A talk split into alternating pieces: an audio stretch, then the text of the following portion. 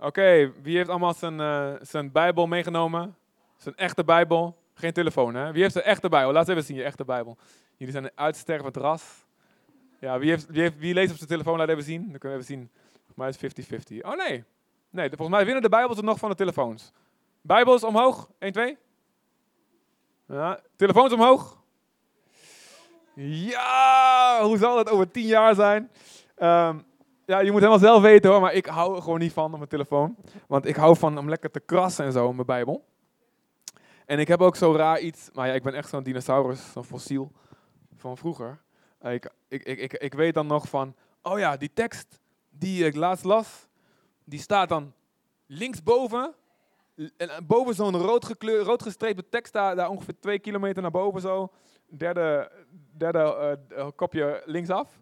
Daar staat een vette tekst. Die weet je dat, ja. En bij je telefoon, ja. Ja, weet je wel, bij de zevende scroll naar beneden, dan, dan linksaf. Nee, dat, dat werkt niet. Hè? Dus, maar je moet helemaal zelf weten, mensen, als je, als je, als je maar leest. Hè? Ja, voor sommige mensen gewoon lekker makkelijk. En um, voor die bijbelleesplannen heb je op je Bijbel-app, toch? Wie, wie, wie, wie leest de Bijbel, uh, bijbelleesplannen? Ja, ja, best wel veel. Ook wel cool. Werkt het goed? Ja. Ja als je maar leest en als je, het maar, uh, en als je maar gelooft. En als je maar doet, hè, dat is eigenlijk nog belangrijker. Je kunt ook een heleboel lezen en, uh, en weten en niks mee doen. Hè. Dat is dan weer minder. Alright. Um, we gaan naar um, Lucas 17. Lucas 17. Lucas 17 vanaf vers uh, 7. Ik denk dat we geen tekst hebben op het scherm hè, vandaag. Nee, we gaan goed duidelijk lezen. Alright.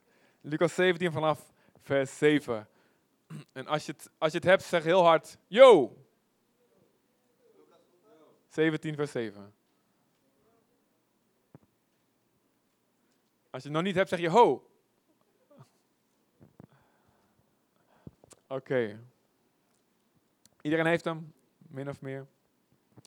Oké, dan gaan we een zegen vragen. Heer, u bent hier. Wat wij willen is dat u ons verandert vandaag. Wat wij willen is dat u spreekt. U heeft met uw stem de hemel en aarde gemaakt. Alles wat we kunnen zien, elk atoom, elke stukje DNA, proton, neutron en al die magnetron. Alles heeft u gemaakt, Heer.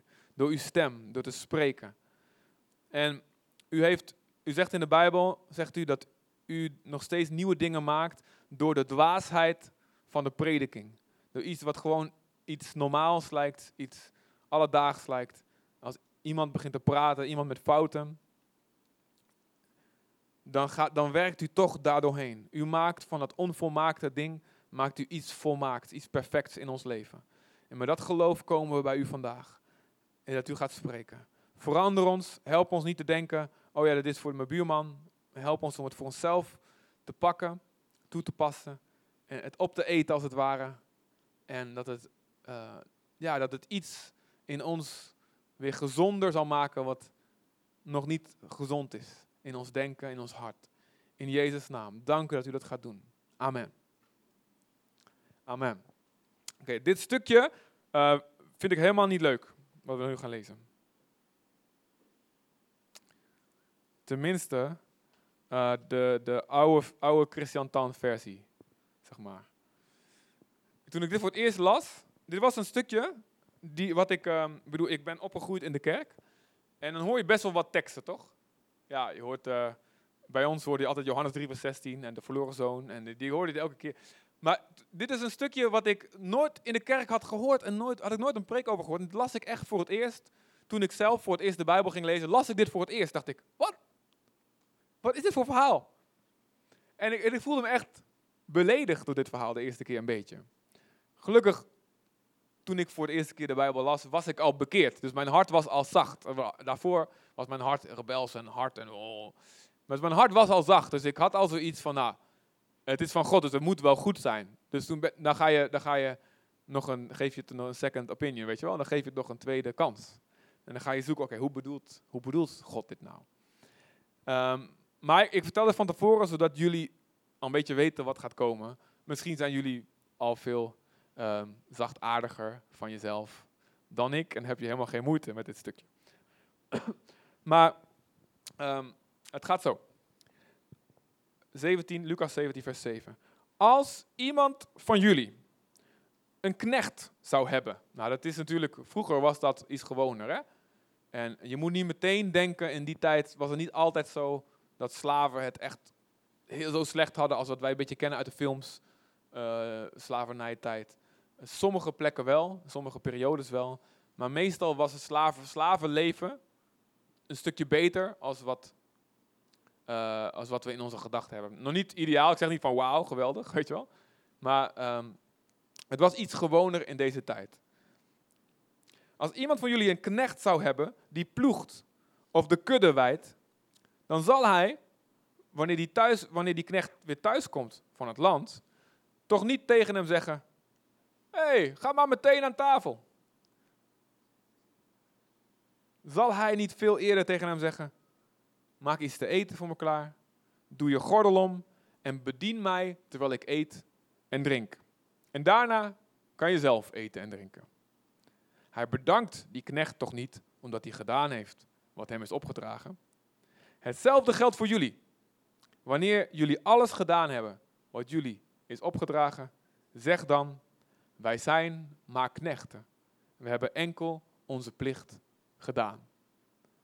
Oké, wie, voelt, wie voelt een beetje wat ik bedoelde, dat ik een beetje zo awkward voelde bij dit stukje? Ja?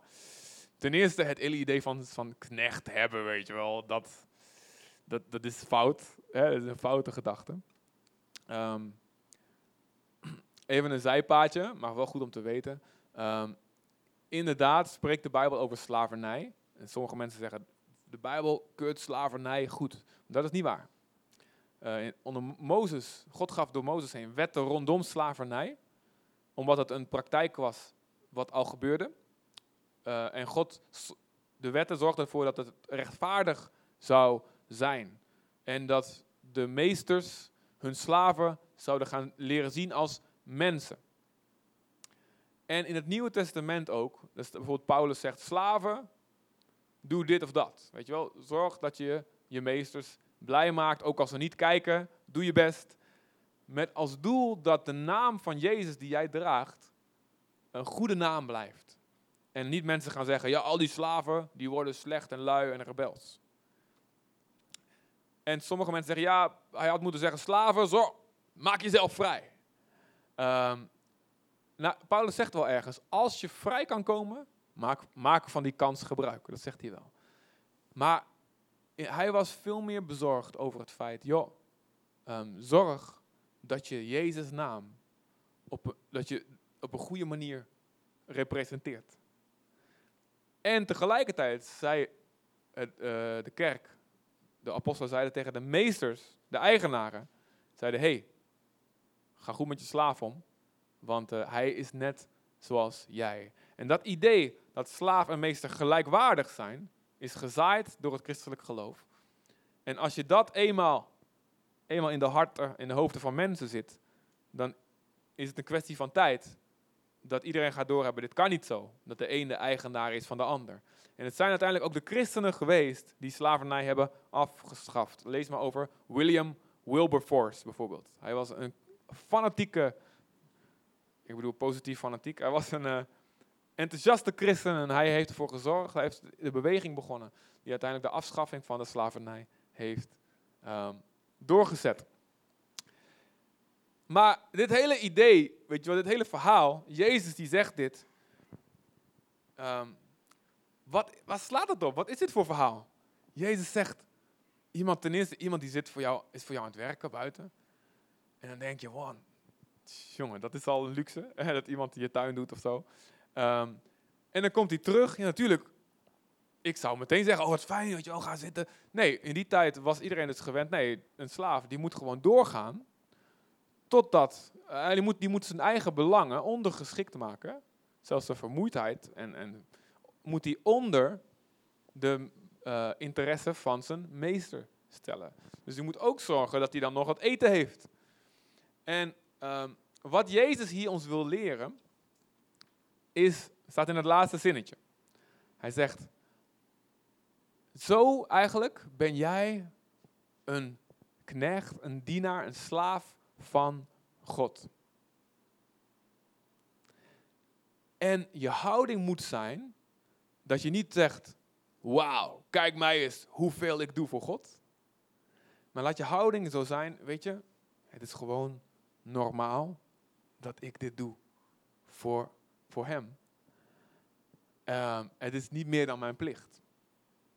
Jezus zegt, als je dit, deze houding hebt, dan is dat het meest gezond voor jezelf. Nou, dit is, dit vraagt nog meer uitleg. Ten eerste, hoezo zijn wij een slaaf van God? Hoezo? ik uh, kan me herinneren, misschien denk je dat bij jezelf, dat in de Bijbel staat, wij zijn helemaal geen slaven meer. Jezus, ik heb een paar weken geleden die tekst genoemd, Johannes 15, zegt Jezus, jullie zijn geen slaven meer. Ik noem jullie geen slaven, ik noem jullie vrienden. Een slaaf die moet gewoon doen wat er gezegd wordt. En de meester legt helemaal niet uit waarom. En dat was vroeger zo onder de wet van Mozes. Zo werkte dat zo. Heel veel mensen snapten niet waarom ze dingen moesten doen, maar ze moesten het gewoon doen. En anders ging je dood of kreeg je straf. Net als een kind. Een kind, jullie kennen allemaal Ale, Alejandro. Ik kan hem niet uitgebreid zitten uitleggen waarom hij wel dit of wel niet mag. Hij moet gewoon doen. En anders, papa boos. Nee, papa niet boos. Hè? Gelukkig werkt dat al bij hem, meestal.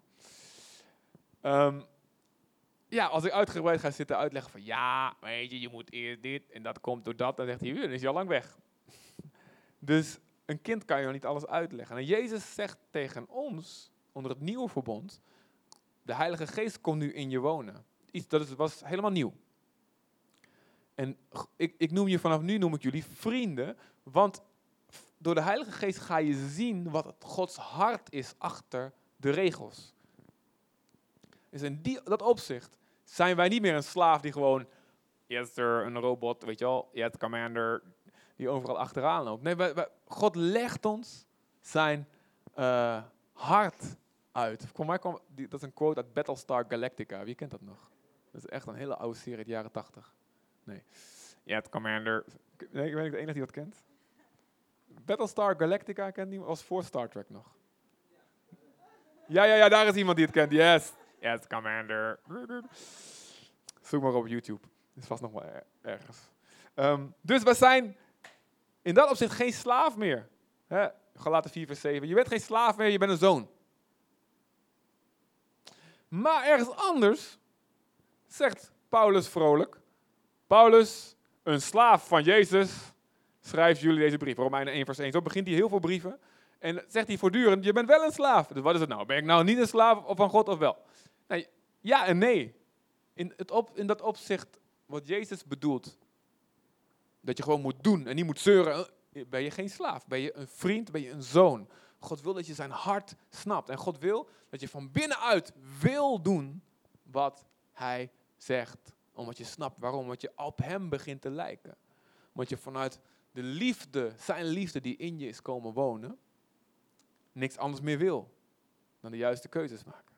Daarom zegt de Bijbel, de liefde is de vervulling van de wet. Als jij volmaakt lief hebt, doe je meteen automatisch alle regels die, die God heeft. Maar in een ander opzicht zijn we dus wel dienaren, slaven. En het woord wat daar gebruikt wordt, los, dat betekent gewoon, ja, gewoon slaaf. En het staat heel vaak in de Bijbel dat we dat wel zijn. 1 Korinthe 7, vers 22 bijvoorbeeld. Dan zegt Paulus, iemand die vrij is. Ehm, als je, dan zegt Paulus, als je een slaaf bent, dan ben je vrij. Van binnen ben je vrij in Jezus. Maar als je vrij bent, je bent geen slaaf, ben je toch ook ben je een slaaf van Christus. Een positieve slaaf dus, zeg maar. Ehm, en Gods doel met ons leven is niet een, dat hij een soort um, prestatiedoel heeft. Weet je, zo'n target om te halen. Ik wil dat je zoveel goede daden produceert. Ik wil dat je zoveel uh, uh, geld in de collecte gooit in je leven. Ik wil dat je zoveel mensen dit en dat vertelt. Gods doel is niet per se dat product alleen. Tuurlijk, het is wel belangrijk, het product, dat er iets uit je leven komt. Wat ik net zei, mensen hebben niet altijd genoeg aan het verhaal dat God van ze houdt om het te horen, maar ze moeten de daden zien in actie. Ehm, dus dat product is wel interessant, dat er iets uit je leven komt. Maar Gods doel is veel meer, behalve dat, dat product alleen. Dat jouw hart van binnen door Hem veroverd wordt, gewonnen wordt, uh, zo in brand staat, dat jij niks anders meer wil dan die prestaties als het ware, die producten, dat resultaat te zien om je heen. Gods doel is dus dat jij een, een soort vrijwillige slaaf wordt. Dat zijn liefde. Dat je zijn liefde zo ziet. Dat je denkt, man, die God, God is zo fantastisch. Hij is zo goed. Hij, hij houdt zoveel van mij. Van, terwijl ik zo slecht bezig ben en ben geweest. En hem in zijn gezicht heb gespuugd. En ik heb hem gekruisigd met mijn zonde. Elke keer als ik hem af, als ik dit zei tegen die persoon, iemand die naar Gods beeld gemaakt heeft, sloeg ik een spijker in zijn handen. Dat deed ik. Terwijl ik dat deed, bad hij voor mij. Vader, vergeef hem. Hij weet niet, hij snapt niet, hij beseft niet wat hij aan het doen is. En dat je zo geraakt wordt door die liefde, door die genade. Dat je niks anders meer wil dan zo'n goed persoon, zo'n goed hart. Daar wil ik alles voor doen. Dat je hart, bam, geraakt wordt van binnen. En dat je zegt, yes commander, yes sir, hier ben ik. Zeg het maar. Wat u maar wil, ik doe het. Niks is te veel gevraagd. En in de Exodus 21, um, daar een aantal regels worden daar gegeven aan slaven, over slaven, als je slaven hebt. En er was daar een hele rare regel. Uh, een slaaf bijvoorbeeld, een Hebreeuwse slaaf, als je schulden had gemaakt, je had te veel in de casino gegokt het, uh, van Jeruzalem, of um, je had, uh, ik weet niet, iets op afbetaling gekocht bij de Crown Jericho. En uh, je kon je, je kon je, kon niet, dat lukte gewoon niet. Als je te veel in de schulden zat, dan moest je jezelf verkopen als slaaf. Of je kinderen. Misschien dacht je van, nou, doe maar eerst mijn kinderen dan. Weet je wel, dat is wel lekker makkelijk. maar, um, een, maar een Joodse slaaf mocht nooit langer dan zeven jaar uh, slaaf zijn. En moest dan vrijgelaten worden. Maar dan was er de optie dat een slaaf vrijwillig kon blijven als hij zei: hey, ik ben zo gehecht geraakt, ik ben zo um, gaan houden van dit huis, van deze familie. Of het was zo dat hij daar andere slaven had, misschien wel ook familie, en die daar wel moest blijven. Dan kon hij ervoor kiezen vrijwillig te blijven. En dan moest hij naar de deur van het huis gaan. En dan, dan pakten ze zo zijn oorlel. Voel allemaal even je oorlel. Allemaal, ja, ja. En dan moest je dus een hele coole piercing maken. Namelijk, je moest met je oorlel tegen de deur. Zo, moet je heel lang uittrekken, weet je wel. En dan pakten ze zo'n uh, zo'n spijker. En dan sloegen ze je, zeg maar, een gat in je oor tegen de deur van het huis aan. Dus zo. Bam! Eh, mocht je wel weer los hoor. Je hoeft niet de rest van je leven daar vast de deur mee, mee tillen. Maar als teken, ik zit vanaf nu, zit ik vast aan dit huis. En dan moest hij ook zijn leven lang blijven. Dan mocht hij niet meer weg. Had hij zelf voor gekozen. Dat zijn wij. Als het goed is. Tenminste, Gods bedoeling is dat Hij jouw hart zo kan winnen dat je zegt: hé, hey, ik wil nooit meer weg bij Jezus. Ik wil nooit meer weg. Kom maar, kom maar. Hier, sla er een gat in. Ik blijf mijn leven lang hier. Ik hoef nergens heen. Dat het een vrije keuze is dat we bij Hem blijven. En op die manier zijn wij geroepen om een slaaf uh, met een grote glimlach van Jezus te zijn. Niet een slaaf van, moet ik weer de boel poetsen? Oh, je doet het je slaat de hoekjes over, weet je wel.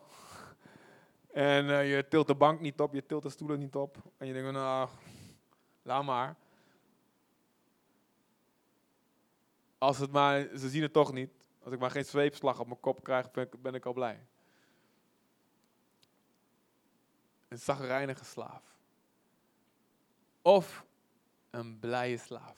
Die zegt, hé hey joh, ik wil niks anders dan mijn meester blij maken. Gods bedoeling is dat wij allemaal zo zijn. Zo worden. Ik heb het ook gehad. Voor mij waren de regels van de kerk en van God waren heel irritant. Waarom, waarom mag ik geen seks voor het huwelijk? Waarom mag ik niet uh, dat doen? Waarom mag ik niet daar naartoe? Waarom mag ik niet? Sommige dingen snapte ik wel, maar ik, had, ik baalde gewoon van heel veel, heel veel dingen. Waarom moet ik naar de kerk? Oh, ik had geen zin in bidden. En uh, oh, ik moet ook nog evangelisatieacties op straat. En ik vond het verschrikkelijk. Ik verzon altijd een excuus om er niet bij te zijn. En ik had wel iets van, nou, ik, ik, ik blijf wel naar de kerk gaan, want dat hoort er een beetje bij. Uh, maar het was, ik, ik voelde alsof ik een slaaf was die vast zat aan iets wat ik niet wou. En toen Jezus mijn hart raakte, wou ik niks anders meer. Wou ik vrijwillig al die dingen waar ik daarvoor zo van baalde en zo'n hekel aan had.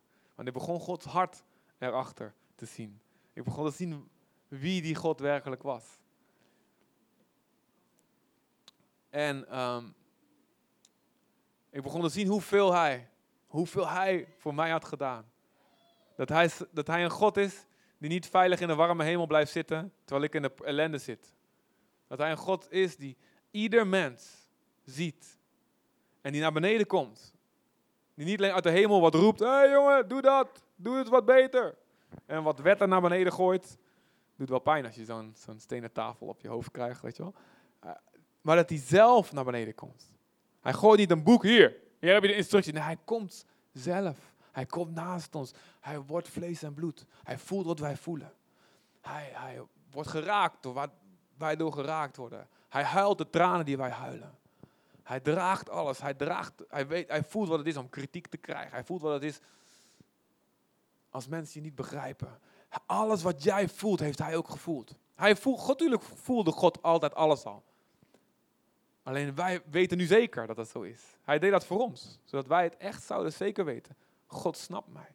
God weet waar ik doorheen ga. En hij neemt mijn straf op zich. Als je dat gaat zien, hoe, hoe erg je dat nodig hebt, dan wil je niks liever dan een vrijwillige slaaf worden van Jezus. En dat gebeurde met mij en met elke christen die echt dat gezien heeft, die echt opnieuw geboren is. De wet wordt in je hart geschreven. Niemand hoeft je meer te vertellen, doe dit, doe dat. Je wil het. Het wordt jouw voedsel. Het wordt je, je eten, je maaltijd om Gods wil te doen. Ik had laatst weer een geweldig gesprek. Super vet. Iemand ontmoet en ik had s ochtends gebeden. En ik vroeg iets, God, wat moet ik doen? En, en ik voelde dat God wat zei, een antwoord gaf. En, en toen kwam ik iemand tegen en ik was precies dat wat ik die ochtend had gelezen, was precies voor die jongen. En hij werd helemaal weer door geraakt. En dat gebeurt, elke keer als dat gebeurt, gelukkig gebeurt het af en toe. Het mag voor mij elke dag, maar het gebeurt regelmatig. En dan ga ik naar huis en dan ben ik, ben ik zo blij. Alsof ik gewoon, ik denk, ik dacht soms van ja, uh, als je drugs neemt zo, dan gebeurt er iets met je beloningscentrum, toch? Ja, ik heb nooit, uh, nooit drugs gebruikt, dus ik weet het niet. Ik heb het gelezen. Um, er gebeurt iets met je beloningscentrum, toch? In je hersenen heb je een soort, een soort reward centrum. Iets waardoor je, hoe heet dat? Weet iemand dat? Een medicus, een bioloog, hoe heet dat, Frits? Nou, er is iets in je hersenen, plek in je hersenen, wat geactiveerd wordt als je iets goed gedaan hebt. Een soort, soort stofje komt dan vrij. Dopam, bam, dopamine, ja, denk het wel. Nou, volgens mij doet God dat ook als je zijn wil gedaan hebt op een hele coole manier. Ik, ik weet dat ik naar huis reed dat ik dacht van, oh, volgens mij moet dat zo voelen. Weet je wel? Volgens mij is dat, voel ik dat nu. Volgens mij laat God dat hormoon zo plum in mijn hoofd vrij. Want ik voel me zo blij als ik Gods wil gedaan heb. Um, en de liefde van God, zegt de Bijbel, zijn liefde, de liefde die hij heeft voor iedereen, door de Heilige Geest, als hij in je komt wonen, wordt die liefde ook in jouw hart uitgegoten, uitgestort. Dus dan ga je op dezelfde manier lief hebben als hij lief heeft. Romeinen 5, vers 5. En,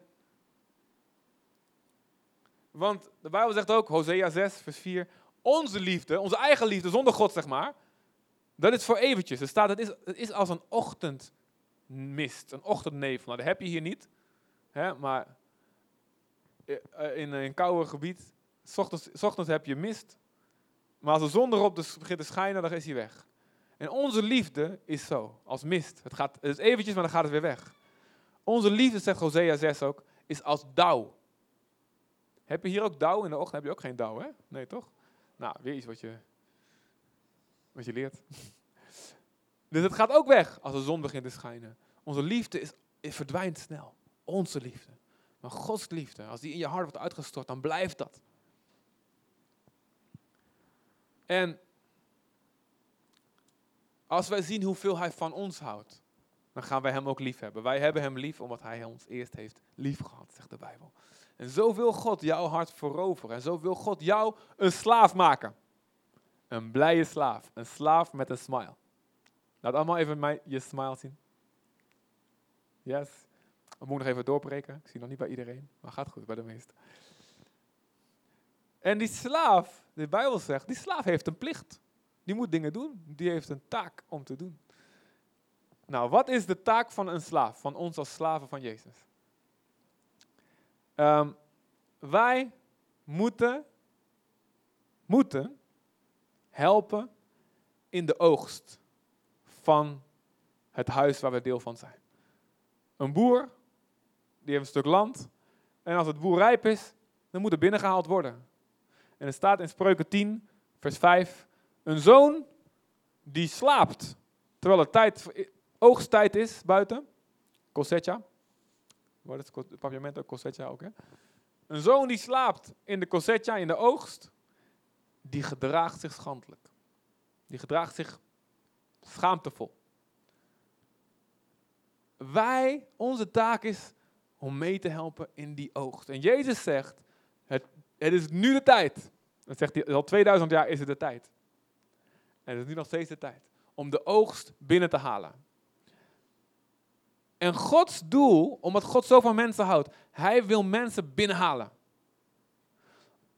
Omdat als we te lang wachten, gaat de oogst, wat gebeurt er met oogst? Het gaat rotten. En het is te laat, je kunt er niks meer mee. Er zijn mensen die nu openstaan voor de liefde van God. En die, nu openstaan voor de boodschap van Jezus. Die nu willen luisteren. Als er iets gebeurt waardoor hun ogen open gaan, misschien moeten eerst wat daden van liefde aan vooraf gaan. En daarna vertellen we over Jezus en hun hart gaat open. Maar over vijf jaar heeft de duivel zoveel ellende in hun leven gedaan. Dat hun hart helemaal te druk is. Ze hebben geen tijd om naar te luisteren. Ze zien het niet meer. Er zijn nu mensen die op het land staan, die nu binnengehaald kunnen worden door jou en mij. Die over vijf jaar, voor wie over het over vijf jaar, ze leven nog wel, maar ze zijn, ze zijn eigenlijk niet meer te bereiken. Dat is onze taak. Niet slapen in de tijd van de oogst, maar zeggen, Jezus, Vader, hier ben ik. Zeg maar, waar kan ik oogsten? Waar kan ik iets binnenhalen? Het is dus niet overal vertellen vertellen, je moet niet over Jezus zorgen, je moet niet, je moet niet. Ah. Bij sommigen wel. Moet je open voor staan. Maar het begint vaak met iets, een daden van liefde doen. Iets doen waardoor de ogen van mensen open gaan. Bemoedigingen, um, een bemoediging zijn voor mensen. Dat is onze plicht. Dat is wat de, het werk van jou als slaaf. En iedereen is daarin onmisbaar. God kan niet door jou, heen, door jou heen doen wat hij eigenlijk door jou heen kan doen. En door jou, weet je wel, iedereen heeft zijn plek daarin. De oog is al groot zat. En God kan niet zeggen, nou ik doe, laat, uh, laat zij maar de taak van haar erbij doen, want weet je, dat is te veel. Iedereen heeft zijn plek. En van sommigen vraagt God meer. En van sommigen minder. De Bijbel zegt, wie veel gegeven is, daar zal veel van worden gevraagd. In Lucas 12, vers 48 staat dat. Je kunt het opschrijven als je nou niet de tijd om alles op te zoeken. Maar daar staat, als je veel gegeven is, dan, dan wordt er meer van je gevraagd. Dat is logisch, toch? En als je minder gegeven is, dan wordt er minder van je gevraagd. Als jij veel tijd over hebt, dan vraagt God wat je gaat doet met al die tijd. Heb je die allemaal aan jezelf besteed? Natuurlijk mag je af en toe aan jezelf besteden. Dat, dat, wil God ook, is prima. Maar als je alles aan jezelf besteedt, God gaat vragen, wat heb je gedaan met je tijd? Je had anderen kunnen helpen, je had anderen kunnen dienen. Je had zelfs kunnen meer de Bijbel kunnen lezen, of, zodat je meer had om uit te delen. Je had um, nou ja, allerlei mooie dingen die je kan doen met je tijd. Dus het is in die zin hebben wij een verplichting. Als jij meer geld hebt, vraagt God meer van jou dan mensen die heel weinig hebben. Als je meer um, sociale vaardigheden hebt, als je, makkelijk kan praten, vraagt God op dat gebied meer van jou dan iemand die echt een rustiger, wat, wat, wat verlegener karakter heeft gekregen. Als je meer netwerk hebt, meer mensen kent, misschien door, toevallig door geboorte, je familie hebben allemaal, had, allemaal vrienden en die zijn ook allemaal jouw vrienden geworden, dan vraagt God meer dat je daar meer mee doet dan mensen die helemaal niemand kennen. Snap je? Zo in elk opzicht kan je meer hebben en minder. En jullie allemaal, van sommige dingen heb je meer in het leven, sommige dingen heb je minder. Als je veel zelfvertrouwen hebt, omdat gewoon je hele lieve ouders hebt gehad, hele fijne familie, alles wat je hartje begeert, goede opvoeding, vraag God meer van je dan als je opgevoed bent in een heel moeilijk gezin. Waarin je geslagen werd of misbruikt werd of wat verschrikkelijk was. God houdt daar allemaal rekening mee en is rechtvaardig. Maar hij vraagt van iedereen, vraagt hij op dat opzicht, vraagt hij iets. En dat zien we dus hier. Wij zijn allemaal geroepen om iets te doen, om als een slaaf om iets te doen. Jij hebt een doel in je leven. En dan is het heel belangrijk om daarbij een houding te hebben. Joh, het hoort erbij. Het is normaal dat ik het doe. Ik ken veel christenen die goed beginnen. Even de klok erbij houden hoor. Nou. Die goed beginnen, maar die dan um, goede dingen beginnen te doen. En dan zie ik iets veranderen bij ze. Ze worden trots op wat ze allemaal doen.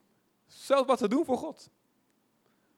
En ze vergeten eigenlijk waar ze vandaan komen. Of ze hebben gewoon hun leven beter voor elkaar. En vaak, soms door hun eigen harde werken. Soms gewoon door toeval, omdat ze ergens anders geboren zijn. En ze gaan zich trots voelen daarop. Kijk eens, weet je wel, die hebben slecht voor elkaar, maar ik heb het altijd goed voor elkaar. En um, God waarschuwt daartegen in dit verhaal. Hij zegt, alles wat je hebt, heb je ontvangen. Alles in het leven. Zelfs heb je lieve ouders gehad en daardoor een goede jeugd. Heb je van God gekregen. Of ze nou God kennen of niet. Alles wat je hebt, heb je gekregen. Kan je goed, heb je een bepaald talent? Je hebt het allemaal van God gekregen. En vergeet dat nooit. En dat is dus wat Jezus zegt in dit verhaal. Wees niet als iemand die zegt, nou, ik heb dit gedaan voor God. En nou verwacht ik dat ik, kijk eens hoe goed, dat ik daar een beloning voor krijg. God belooft absoluut een beloning. Hij belooft het absoluut. Maar als we met zo'n houding gaan zitten in ons leven, dan stoppen we en stellen we eigenlijk grenzen aan God. En Ehm, wat ik dus heel moeilijk vond in dit verhaal, is, uh, ja, weet je, heb je al die dingen gedaan, moet je nog meer erbovenop doen. Van, heel vaak denken we van, joh, we moeten wel, we moeten wel een beetje normaal blijven, toch? We moeten wel een beetje, ik, ik wil God wel dienen, maar het moet wel binnen een bepaalde grens blijven. En onbewust ben ik het heel vaak tegengekomen bij mezelf. Toen wij hier naar Aruba kwamen, um, we hebben heel heftig gehad. En um, En op een gegeven moment zelfs uh, merkte, begon ik het in mijn lichaam te merken. Begon ik van die, uh, mijn, mijn, ik had zoveel stress, zoveel dingen die gebeurden.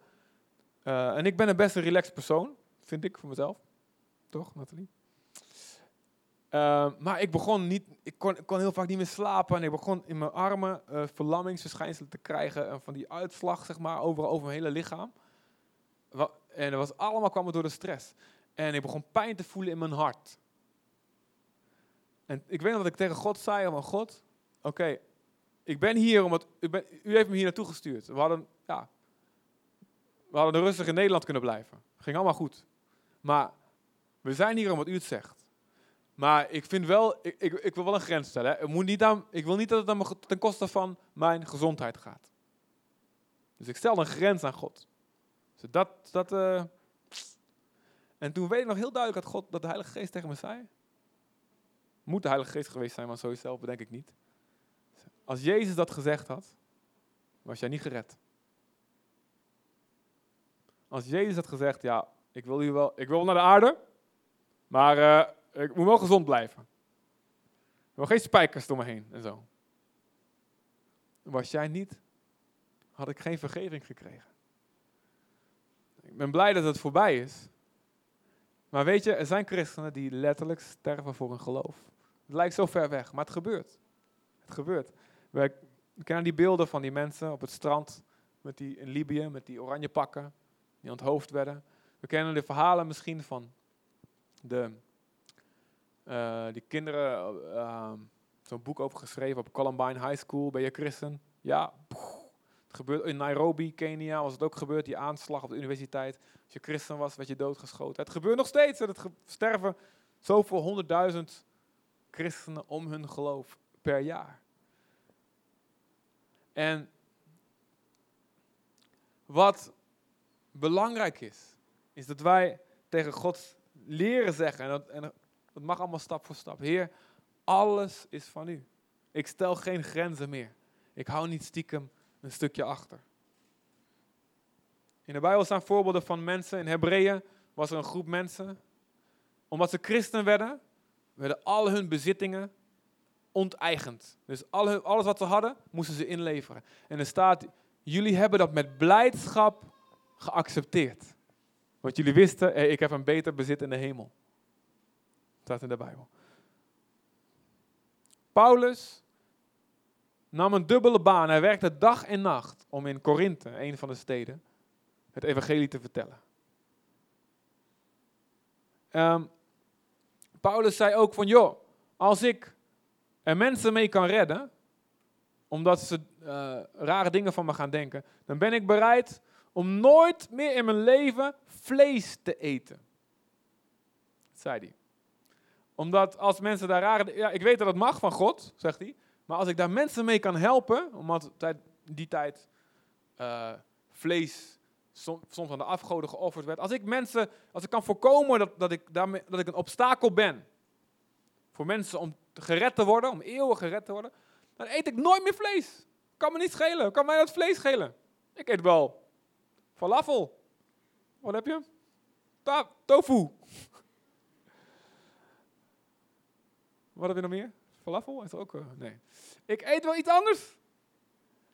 Als ik maar mensen kan redden.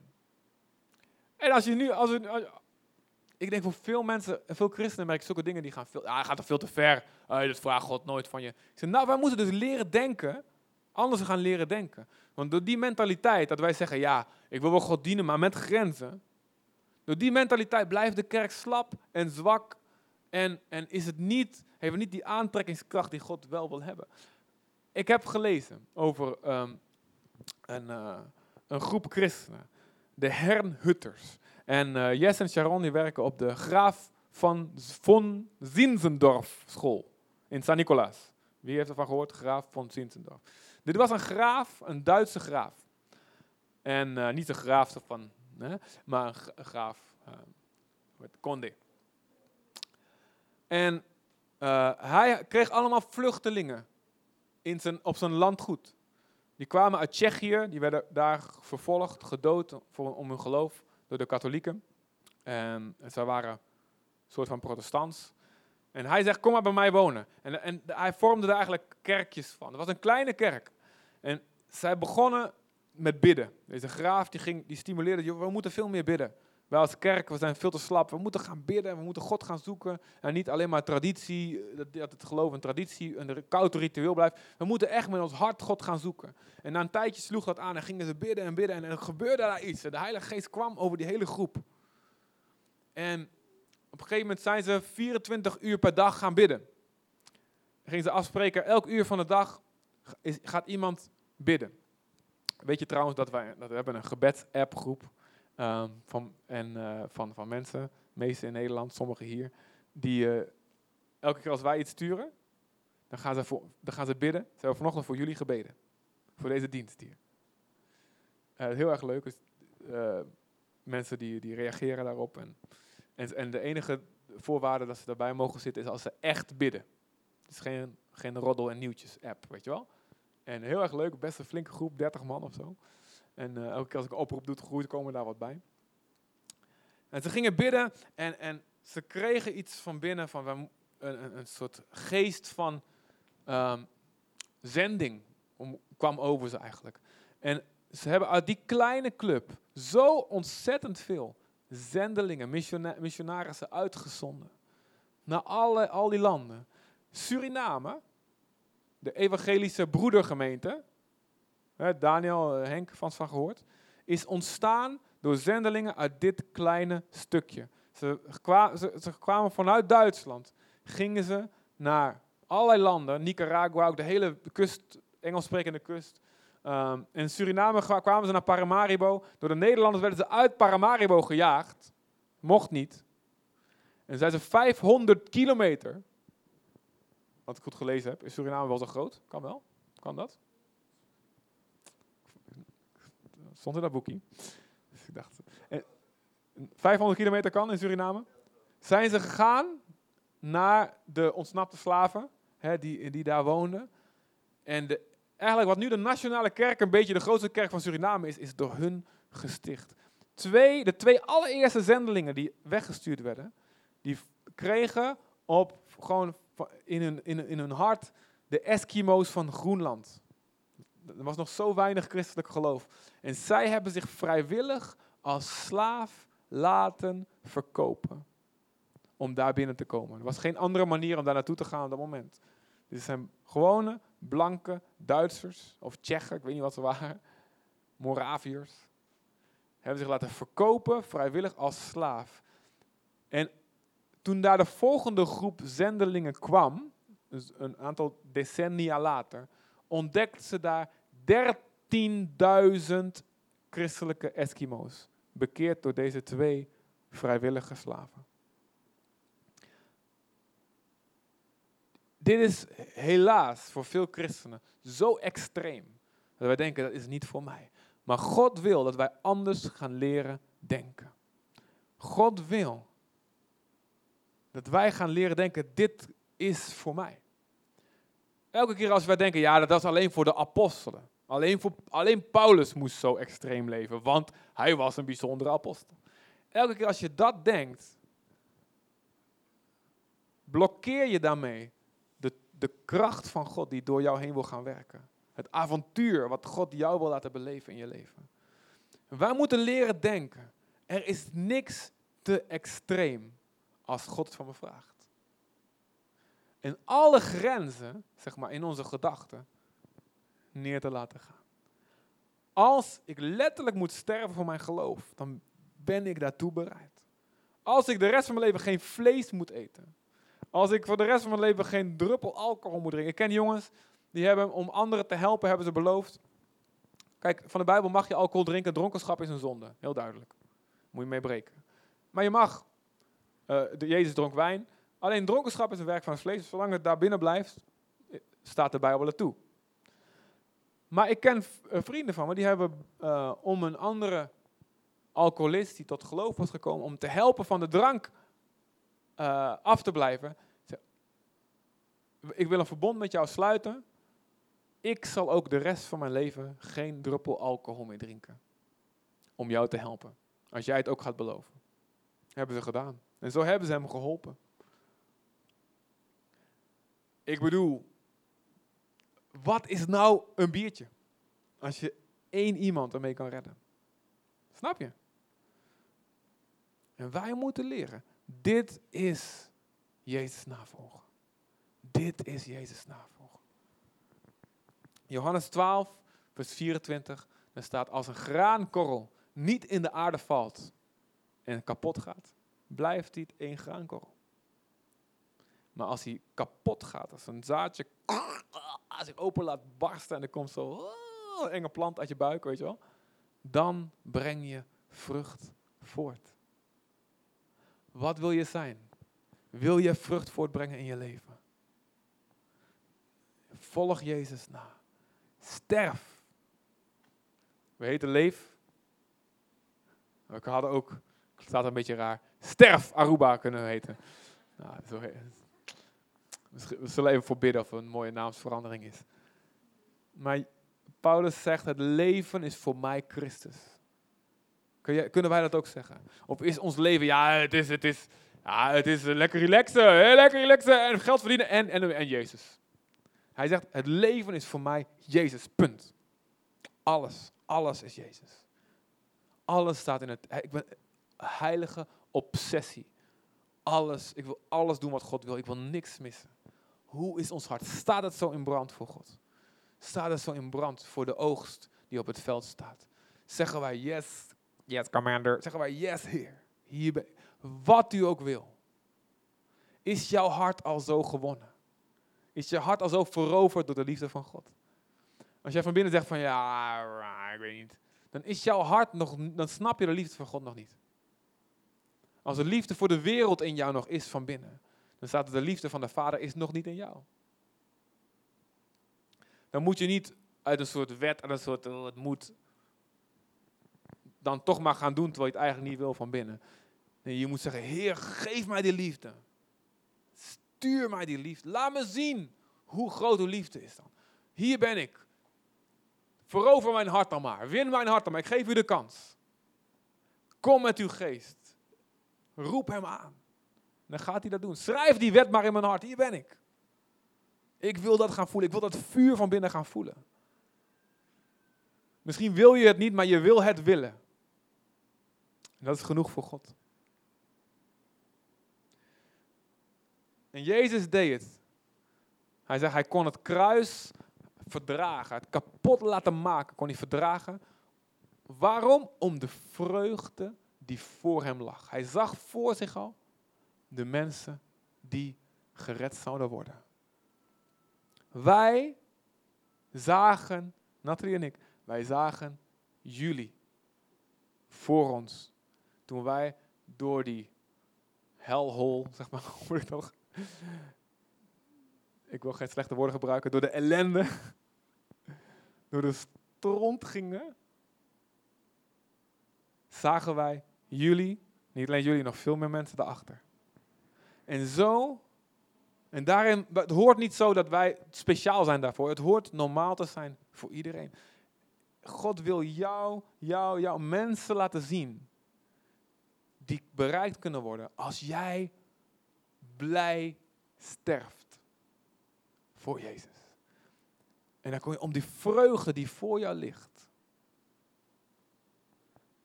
kun je Jezus navolgen. En kan jij oogst binnenhalen. Door dood te gaan aan jezelf.